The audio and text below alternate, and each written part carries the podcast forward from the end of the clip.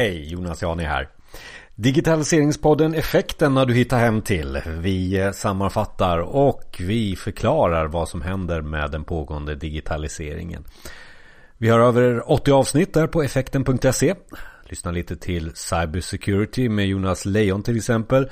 Du får också Josh Clark och Designing for What's Next.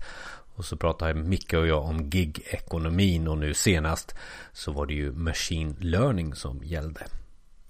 Allting på effekten.se eller så söker du på effekten där du hittar dina övriga poddar förstås. Och vill du tipsa oss eller kanske vara med i podden? Enklast kanske ett mejl info effekten.se Vi ska ta oss till skolans värld skolan har det ju varit eh, debatt och kommer att vara debatt lång tid framöver förstås. Men om vi zoomar in lite på digitaliseringen och försöker att hitta vad är det som händer nu när politiker och näringsliv trycker på och vill ha någon form utav eh, digitalisering från skolan, alltså någon kunskap runt omkring det. Är det programmering som, som gäller 100% all in eller finns det något annat? Så vi tar ett samtal med Fredrik som är mitt uppe i digitaliseringen av skolan.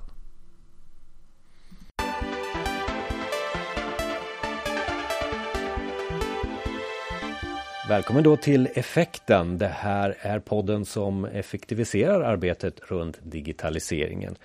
Och digitaliseringen inom skolan har ju varit uppe på agendan både hos politiker och lärare och många av, av de som känner att vi, vi väntar på den nästa generationen och förväntar oss av den eh, en digitalisering, vad det nu är. Och jag tänkte att Fredrik Johansson skulle ha en del utav det svaret. Välkommen till Effekten. Tack så mycket.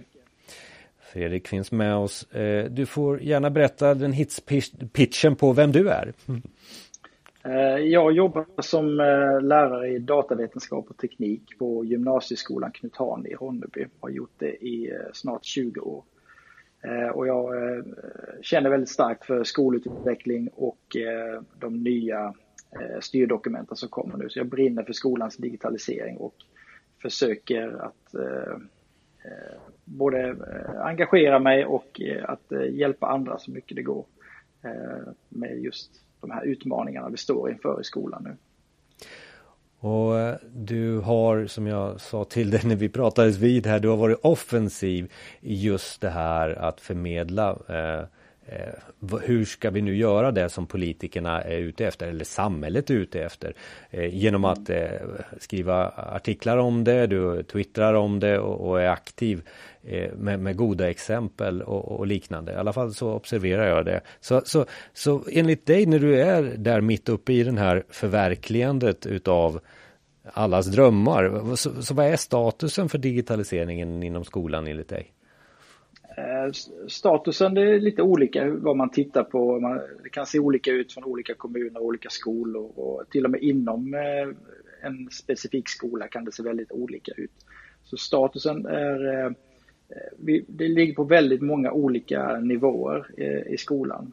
Men jag tycker att många skolor som jag pratar med och, lärare som jag pratar med runt om i landet, alltså att man har en, en, eh, en bra plan och en bra ansats. Sen får man ju inse att där vi är nu då med de nya styrdokumenten med programmering i matte och sånt där, både grundskolan och gymnasiet, så vi har ju precis bara börjat. Det är ju inte så att man kan köra en, eh, en eh, studiedag och sen är det här löst, utan det här handlar ju om att förändra sitt sätt att se på både undervisningen och eleverna i förlängningen, hur man, hur man når ut. Då. Berätta lite mer där vad, vad politikerna har sagt, för vi, har, vi som då bara läser huvudrubrikerna i alla nyheter som kommer så, så står det någonting att nu ska vi ha programmering i skolan och sen det var, ja, var, det, var det politikernas recept för digitalisering där? Jag tror, om jag ska killgissa lite då, så tror jag att det var näringslivet som tyckte att nu får vi nog eh, flytta fram eh, positionerna lite här i Sverige om vi ska ha eh, en chans att konkurrera på, på längre sikt med kunskap. Eh, och, eh, så jag tror att det kommer lika mycket från näringslivet som från eh, politikerna. Det här med att vi behöver ha programmering och att förstå de digitala verktygen och den digitala världen vi lever i så gott som alla idag är på något sätt digitala. Vi tittar på eh, tvååringar så är det ju, eh, jag tror det var över 50 procent som är ute på internet till exempel. Tittar vi på eh, eh, äldre pensionärer och sånt så, så har de flesta en smartphone eller en dator att tillgå.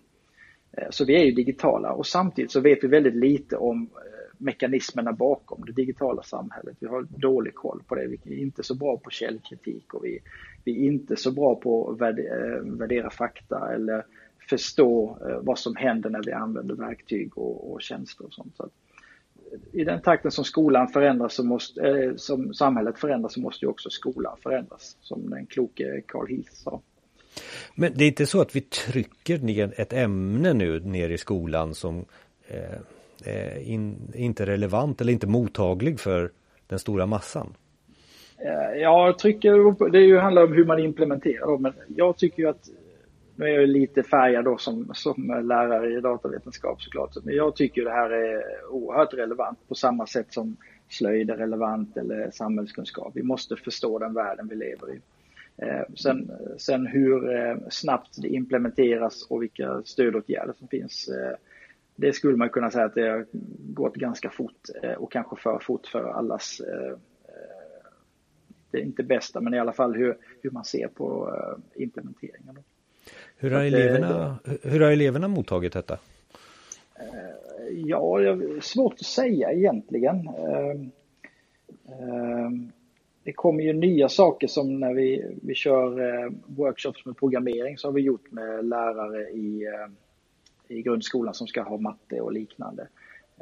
Och de är ju positiva men det är också skillnad på prova på programmering i lugn och ro och, och sen undervisa i det. Det är ganska stort eh, eh man säga, glapp däremellan i vad man behöver kunna och hur man behöver eh, förståelsen och förtrogenheten med ämnet. Så jag tror att eh, många elever tycker nog det är roligt att prova på eh, att, eh, olika digitala hjälpmedel och programmering och liknande. Men samtidigt så har de kanske inte eh, kommit så långt så att de verkliga problemen har visat sig. Eh, och, och, och, det här med att få ner ett ämne, ett nytt ämne eh, ner till, till, eh, till, till, en skola som också är i en förändring. Nya generationer har andra krav på sig och sådär. Har, har det gått bra med ledarskapet runt omkring det här ämnet? För det, det är väl där jag känner att det handlar mm. egentligen om att utveckla människan mer. Ja, ja, men, ja det är definitivt som sagt. Det, det det är en utmaning på alla nivåer här, alltifrån skolledare till politiker till lärare till eh, elever. Alla kommer att eh, eh, vad ska man säga, få kliva ur sin comfort zone här och göra det som inte riktigt känns eh, tryggt. Och det alltså, styrdokumenten som man har ändrat innan, det har ju på något sätt knutit an till ämnet. Om du är slöjdlärare så har det gjort små förändringar.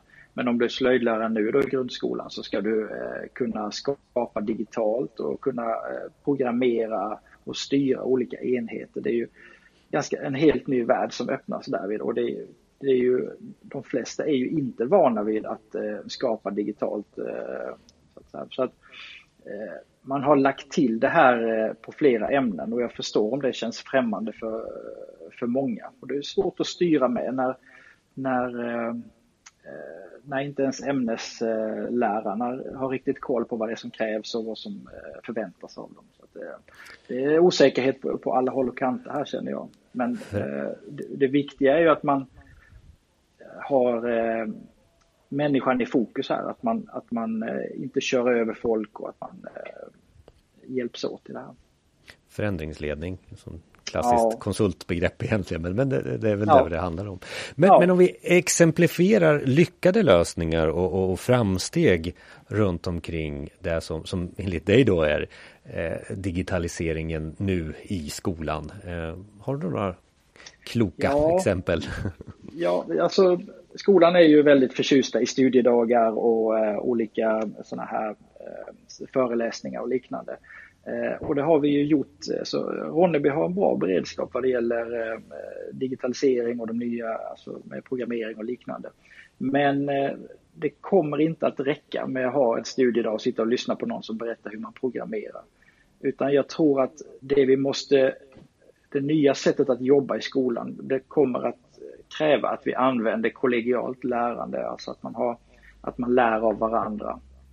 Eh, och att de som eh, eh, är lite föregångare hjälper de som, som kommer lite senare på tåget. Så att säga. Och det, det här blir ju något man måste göra i det vardagliga arbetet. Det funkar inte att ha en studiedag och eh, käka en frallhalva och säga åh vad trevligt det här var, utan eh, det här är någonting man måste jobba med hela tiden.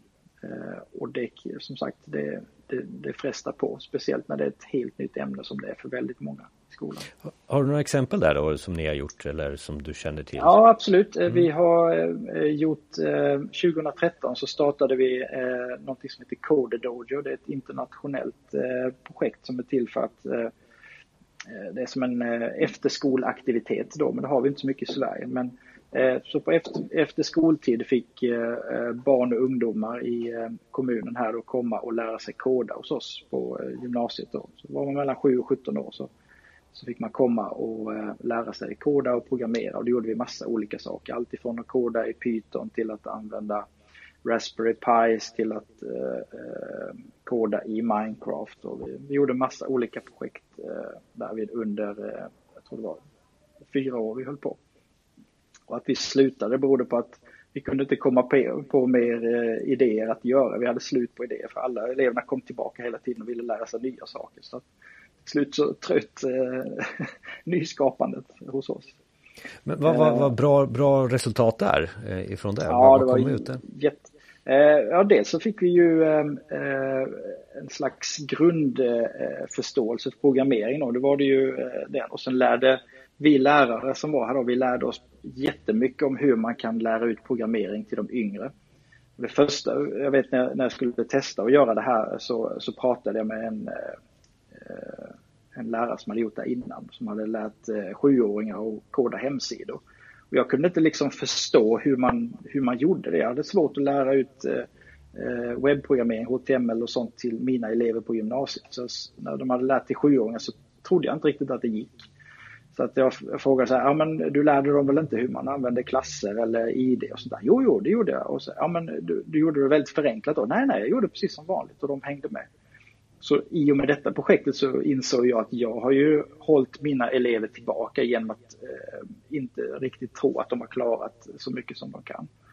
Så att jag har ju utvecklats som lärare jättemycket i det här i hur jag ser på eh, vad som kan läras ut och hur man kan lära ut och sånt. Så det har utvecklats jättemycket.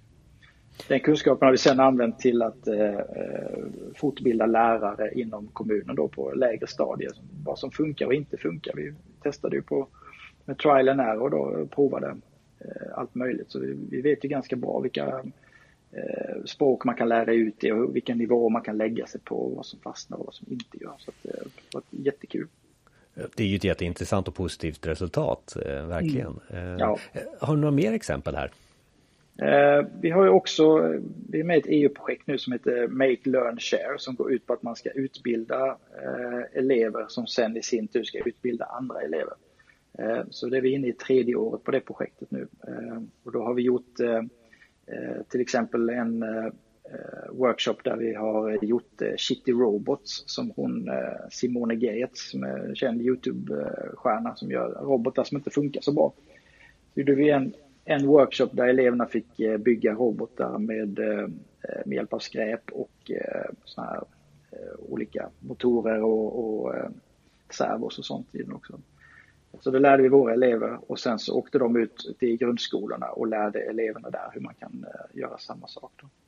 Vi gjorde även något som heter tjejhack då, för det är alldeles för lite tjejer som ger sig in i programmering och teknikrelaterade yrken. Så att då eh, lärde vi våra elever att koda i Python och sen fick eh, alla elever som går årskurs 7 i eh, kommunen här komma hit och lära sig att koda i Python. Så att eh, försöka avdramatisera ämnet lite grann och visa att man kan göra enkla, eh, man kan närma sig det utan att det blir allt för jobbigt och för tungt. Då. Och sen när andra elever visar det så blir det också lite avdramatiserat. Det är inte någon vuxen som ja, ja, men du har programmerat hela ditt liv. Utan det är sådana som precis själva har lärt sig att programmera. Då blir det också en mindre tröskel känner jag. Eh, nu är jag inte pedagog men det låter väldigt mycket som en sån learning by example lite så. Ja, eh. ja, ja det kan man säga.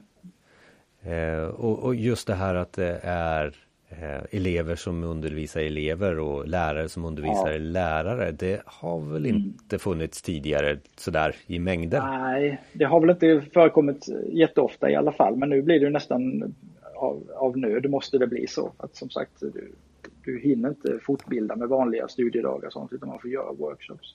Och vi har ju även haft, våra elever har ju även utbildat andra lärare också. Vet när vi gjorde ett projekt med eh, Microsoft och eh, HP vi, eh, när vi skulle använda Minecraft eh, i undervisningen. Då var ju mina elever på eh, SET och SET Syd som är stora teknikmässor för lärare i Stockholm och Malmö. Var de där och visade lärare hur man kan använda Minecraft i undervisningen. Och det är också någonting som, som de kan ha med sig ut i yrkeslivet sen. hur, alltså det här med att, att lära andra. Så jag tror det är en jätteviktig del för, inte bara i skolan utan för många företag i Sverige också. Hur man ska lyckas. Ja, man pratar ju om innovation i, i det här sammanhanget eh, på företag, ja. privata företag. Ja, Just det. Ja. Tilta och få och nya affärsidéer. så. Mm. Ja, verkligen. Och det är ju det livslånga lärandet. Vi måste ju släppa det här med att man eh, går i skolan och så går man på eh, universitet och sen jobbar man på ett yrke i 40-50 år. Så är det ju inte utan eh, det mesta kommer ju att vad ska man säga, förändras och kräva att du har ett, ett kontinuerligt lärande nästan oavsett vilket yrke du, du kommer in på tror jag. Och, och även då läraryrket nu som det visar sig, där man kanske har kunnat luta sig tillbaka mot sina universitetsstudier under en stor del av sin yrkeskarriär. Nu, nu sätts ju allting på sin spets när det kommer in nya saker. Anamma och, och tycka om förändring, en, en värld i förändring. Ja, jag tror det. Och, och, eh, alltså, det är många som räds det här nya då, men det viktiga är ju att man, gör, att man provar någonting. Och många försöker ju när man har, när vi får ett nytt LMS eller någonting sånt där, något nytt system som skolan ska in i och det är massor med fortbildning och det, det, är svårt att få in sin vanliga undervisning i de här systemen. Att då kanske inte eh, gå all in på den utan testa i liten skala med en liten elevgrupp eller med få, några få lärare. Bara få se hur det funkar först. Och sen eh, skala upp det. Liksom. Så att, eh, jag tror det är många som har blivit lite brända av den här digitaliseringsprocessen som har hållit på ett tag nu. Jag tror de har försökt eh, och sen har det gått åt skogen och då har man lagt alla ägg i sin korg. Då. Så jag tror att det här med små baby steps tror jag är nyckeln till att, att komma framåt på ett bra sätt. Ja, och reda ut begreppen och, och exempel ja. runt omkring där. Det är ju ja. det, är det jag hör lite i, i vad, vad, ni har gjort runt mm. omkring dig där. Men, mm. men som en slutkläm då för att lämna den som, som lyssnar på det här och, och ta det vidare kanske om man är lärare eller ta det vidare i, i om man är förälder till sina, eh, sina barn. Hur ska vi göra här med digitaliseringen? Vad är, så vad är nästa steg för den digitala utvecklingen utav skolan eller samhället? Eh, kanske du kan svara på skolan först och sen tar vi ska samhället senare. Ja, vi kan börja med skolan. Där. Ja, som sagt, eh, skolan är ju som en, som en supertanker. Den svänger långsamt, gör den, men den svänger. Gör den. Så att det här, det, tittar man från ett visst håll kanske man tänker att eh, det går inte jättesnabbt med skolans digitalisering. Men det, det rör sig, gör det eh, och det kommer eh, så småningom. Men de stora utmaningarna är som sagt, tror jag, en förändrad syn på, på hur både läraren och eleverna lär sig och att man måste kliva ur sin comfort zone och våga prova på det nya. De som ställer sig utanför eller vid sidan om Eh, digitaliseringen, de kommer att bli eh, förbisprungna. Eh, och det är inte bra för någon, varken för lärare, elever eller, eller andra. Hela landet? Att, ja, ja, precis. Alla förlorar ju på det i längden. Liksom. Eh, absolut. En annan utmaning är ju att eh, eh, lärosätena måste ju fortbilda lärare som kan det här med eh, kodning, digitalisering och sånt. Och det, jag känner också att eh, förändringen där är, är minst lika utmanande som det är för, eh, för skolan i övrigt. Det måste ju också, ny, nyutexade lärare måste ju kunna koda och, och kunna det här med digitalisering och digitala verktyg och jobba digitalt. Det är också en utmaning vi har. Så här på slutet, är det någonting du känner att du även vill tillägga runt omkring digitaliseringen och, och, och skolan? Ja, alltså när man eh, när man släpper eleverna fria, jag har gjort väldigt många projekt nu tillsammans med elever och många av de här workshops och liknande vi gör, det gör jag tillsammans med eleverna. Och när man vågar släppa eleverna fria eh, så händer det underverk. Eh, så många workshoppar jag har haft som har blivit flera gånger bättre än vad jag tänkt mig, bara för att jag haft eleverna med. Så att engagera eleverna även i skolutvecklingsarbetet, låt dem bli en del av detta och så gör resan tillsammans med dem. Det tror jag är det allra, allra, eh, den bästa lärdomen jag har gjort under de här åren jag har hållit på med ett bra exempel, ett kärnfullt bra exempel att sluta eh, det här avsnittet med. Eh, Fredrik, vad, vad hittar vi dig mm, eh, om vi vill kontakta dig eller, eller följa dig inom de sociala? Jag heter Fabelmakaren på Twitter och jag har en hemsida som heter fabelmakaren.se. Och vi kommer också lägga in de här länkarna till blogginlägget som tillhör det här avsnittet och det ligger där på effekten.se. Tack så mycket Fredrik Johansson för att vi fick eh, störa i den pågående digitaliseringen av skolan. Tack så mycket. Jättetrevligt att få vara med.